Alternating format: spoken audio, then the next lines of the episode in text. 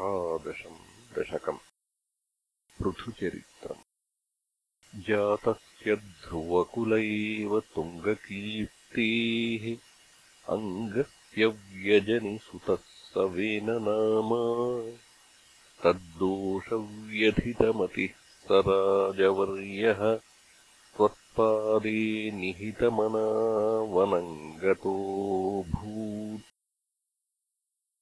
पापोऽपि क्षितितलपालनाय वेनः पौराद्यैरुपनिहितः कठोरवीर्यः सर्वेभ्यो निजबलमेव सम्प्रशंसन् भूचक्रे तव यजनान्ययम् न्यरौत्सीत्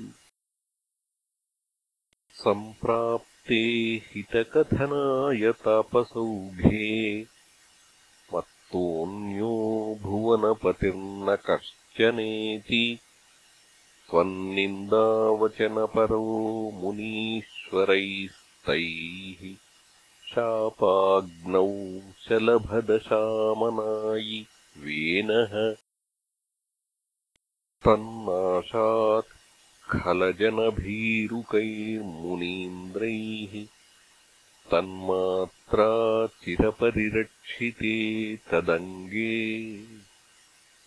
त्यक्ताघे परिमथितादथोरुदण्डात् दोर्दण्डे परिमथिते त्वमाविरासीः विख्यातः पृथुरिति तापसोपदिष्टैः सूताद्यैः परिणुतभाविभूरिवीर्यः वेनार्त्या कबलितसम्पदम् धरित्रीम् आक्रान्ताम् निजधनुषा समामकार्षीः भूयस्तान् निजकुलमुख्यवत्सयुक्तैः देवाद्यैः समुचितचारुभाजनेषु अन्नादीन्यभिलषितानि यानि तानि स्वच्छन्दम् सुरभितनूमदोदुहस्त्वम्। आत्मानम् यजति मखैस्त्वयि त्रिधामन्।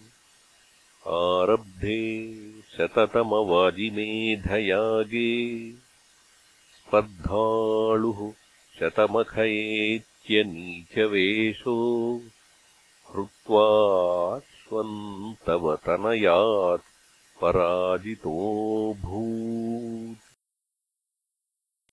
देवेन्द्रम् मुहुरिति वाजिनम् हरन्तम् वह्नौ तम् मुनिवरमण्डले जुहूषौ रुन्धाने कमलभवे क्रतोः समाप्तौ साक्षात् त्वम् मधुरिपुमैक्षथाः स्वयम् स्वम्।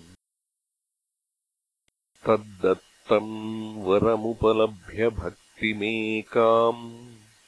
गङ्गान्ते विहितपदः कदापि देव। सत्रस्थम् मुनिनिवहम् हितानि शंसन्। ऐच्छिष्ठाः सनकमुखान् मुनीन् पुरस्तात्।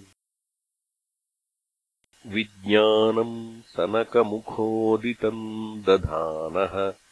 स्वात्मानम् स्वयमगमो वनान्तसेवी तत्तादृक्पृथुवपुरीश सत्वरम् मे रोगौघम् प्रशमय वातगेहवासिन्